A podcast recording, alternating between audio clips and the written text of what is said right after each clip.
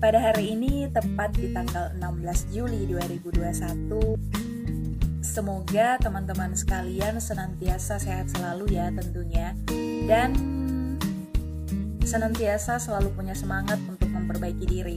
Stay healthy, stay care each other. Nah, kebijakan PPKM ini masih tetap berlaku ya hingga hari ini dan menurut update terakhir itu kalau nggak salah itu berakhir di tanggal 22 ya teman-teman. Semoga kebijakan PPKM ini kemudian memberikan dampak yang cukup signifikan untuk kondisi uh, pandemi yang saat yang saat ini sedang melonjak tinggi ya. Semoga segera melandai lah ya teman-teman listener. So, pada episode kali ini Ira akan sedikit sharing atau mungkin membahas tentang hal yang akan kita hadapi atau hal yang akan kita lakukan uh, spesifik sebagai umat muslim insya Allah beberapa hari ke depan akan memperingati sebuah hari raya yaitu Hari Raya Idul Adha atau familiar disebut dengan Hari Raya Kurban. Hari ini kita akan bahas kurban. So gimana pembahasannya? Stay tune, dengerin terus sampai akhir. Secara terminologi, kurban itu berasal dari bahasa Arab. Kurban yang berarti dekat. Kurban dalam Islam juga disebut dengan kalian mendengarkan kembali hanya podcast kembali mengudara pada segmen Rasuara. Nah, teman-teman listener, seperti kita ketahui bersama bahwa setiap tanggal 10 Zulhijjah, semua umat Islam yang telah melaksanakan haji tentunya merayakan hari raya Idul Adha. Nah, pada hari itu umat Islam sangat disunahkan untuk berkurban, di mana mereka menyembeli hewan kurban untuk kemudian dibagi-bagikan kepada seluruh umat Islam di daerah tersebut. Lalu mungkin akan muncul nih pertanyaan, lalu apakah sebenarnya kurban itu? Al-Udiyah dan ini berarti binatang sembelian. Binatang sembelian di antaranya ada beberapa kategori ya teman-teman listener, mulai dari unta, sapi, dan kambing. Yang kemudian ini disembeli pada hari raya Idul Adha dan hari-hari tasyrik.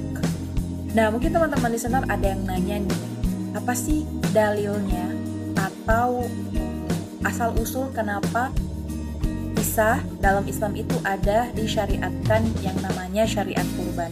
Landasannya sebenarnya ada pada uh, ayat Al-Qur'an, Quran surah Al-Kausar ayat 1 sampai ayat 3, kemudian dilanjutkan lagi di Quran surah Al-Hajj ayat 36.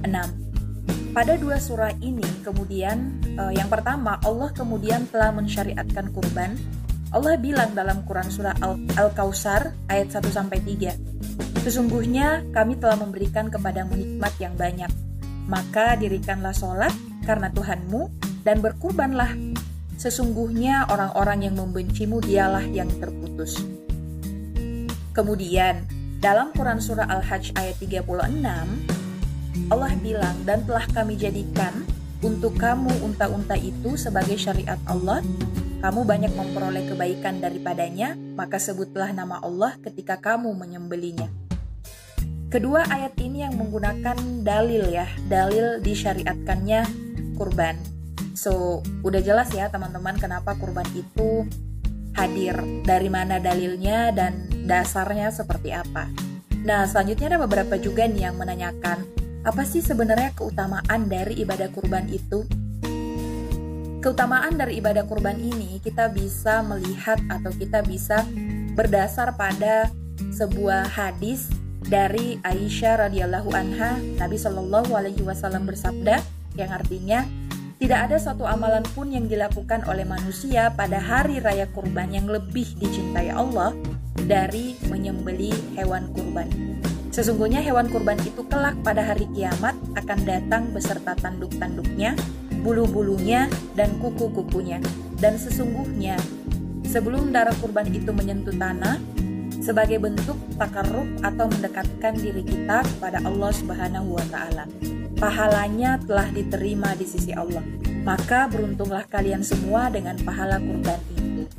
hadis riwayat Tirmizi. Jadi keutamaannya sangat luar biasa ya teman-teman listener. Jadi ketika kita melakukan ibadah ikhlas karena Allah, tidak ada unsur ria di dalamnya atau tidak ada unsur ketidakikhlasan di dalamnya, maka insya Allah ibadah itu akan langsung sampai kepada Allah. Akan langsung kita peroleh untuk ibadah kurban ini, bahkan sebelum darah dari hewan yang dikurbankan itu sampai ke tanah, pahalanya sudah sampai kepada yang berkurban. Pertanyaannya, apakah berkurban itu wajib atau seperti apa nih posisinya? Jadi teman-teman listener, ibadah kurban itu hukumnya sunnah muakkad. Hukum dari beribadah itu kan ada yang wajib, ada yang sunnah ya teman-teman. Nah kalau berkurban ini atau syariat berkurban ini, hukumnya itu adalah sunnah muakkad. Apakah itu sunnah muakkad? Itu adalah sunnah yang sangat dianjurkan bagi orang yang mampu melakukannya, lalu ia meninggalkan hal itu, maka ia dihukumi makruh. Hal ini berdasarkan hadis yang diriwayatkan oleh dari Ummu Salamah radhiyallahu anha. Nabi Shallallahu alaihi wasallam bersabda, "Dan jika kalian telah melihat hilal, tanggal masuknya bulan Zulhijjah, dan salah seorang di antara kamu ingin berkurban, maka hendaklah ia membiarkan rambut dan kukunya." Hadis riwayat Muslim. Arti sabda Nabi ini adalah ingin berkorban. Dalilnya bahwa ibadah kurban ini sunnah, bukan wajib. Tapi akan menjadi makruh ketika orang itu sudah mampu tapi dia meninggalkan atau memilih untuk tidak berkurban. Jadi memang sangat dianjurkan ya ketika teman-teman listener sudah punya kemampuan untuk berkurban. Nah, beberapa fikih kan menjelaskan ya teman-teman listener bahwa satu ekor sapi itu bisa kita kolektif untuk berkurban menjadi tujuh orang. Kalau kambing kan untuk satu orang ya teman-teman listener. Jadi, nah kalau misalkan sekarang kita lihat harga sapi 15 juta, uh, ya udah dibagi tujuh orang aja. Jadi sekitar hampir 2 jutaan mungkin ya per orangnya. Nah, ini mungkin kedua dari terakhir yang akan saya sampaikan pada kesempatan kali ini adalah apa sih syarat-syarat kurban? Ada beberapa syarat-syarat dalam melaksanakan syariat kurban itu sendiri. Yang pertama, dari binatang yang diperbolehkan untuk dikurbankan.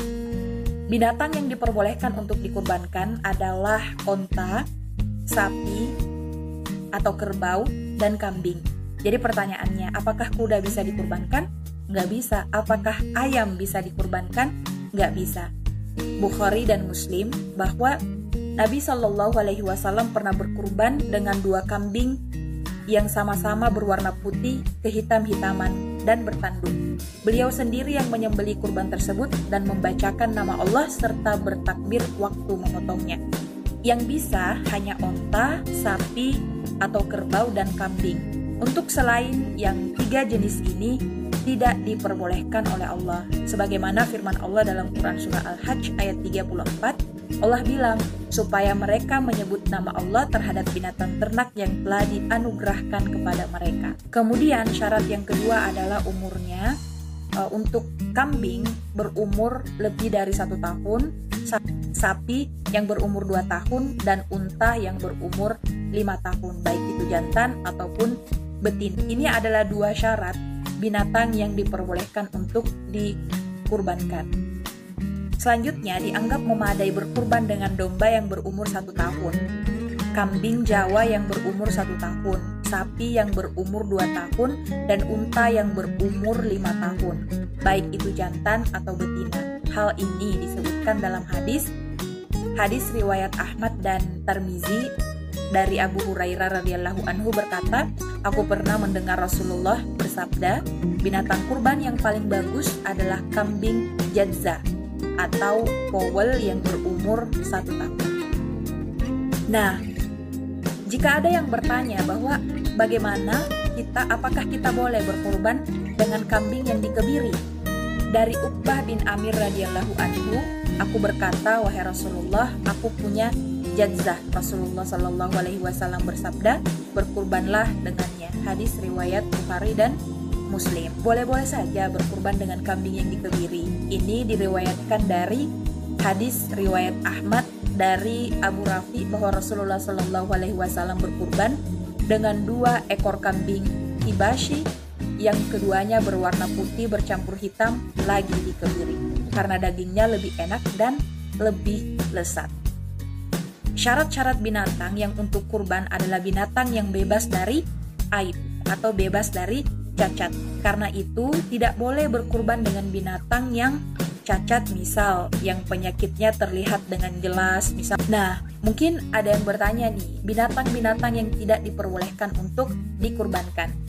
Misal mungkin kakinya pincang atau uh, kakinya sakit, yang buta, uh, kemudian yang sumsum -sum tulangnya tidak ada karena mungkin kurus sekali ya. Nah, Rasulullah Shallallahu Alaihi Wasallam bersabda, ada empat penyakit pada binatang kurban yang dengan kurban itu tidak mencukupi, yaitu yang buta dan kebutaannya yang sangat nampak dan yang sakit dan penyakitnya terlihat sekali, yang pincang sekali, dan yang kurus sekali.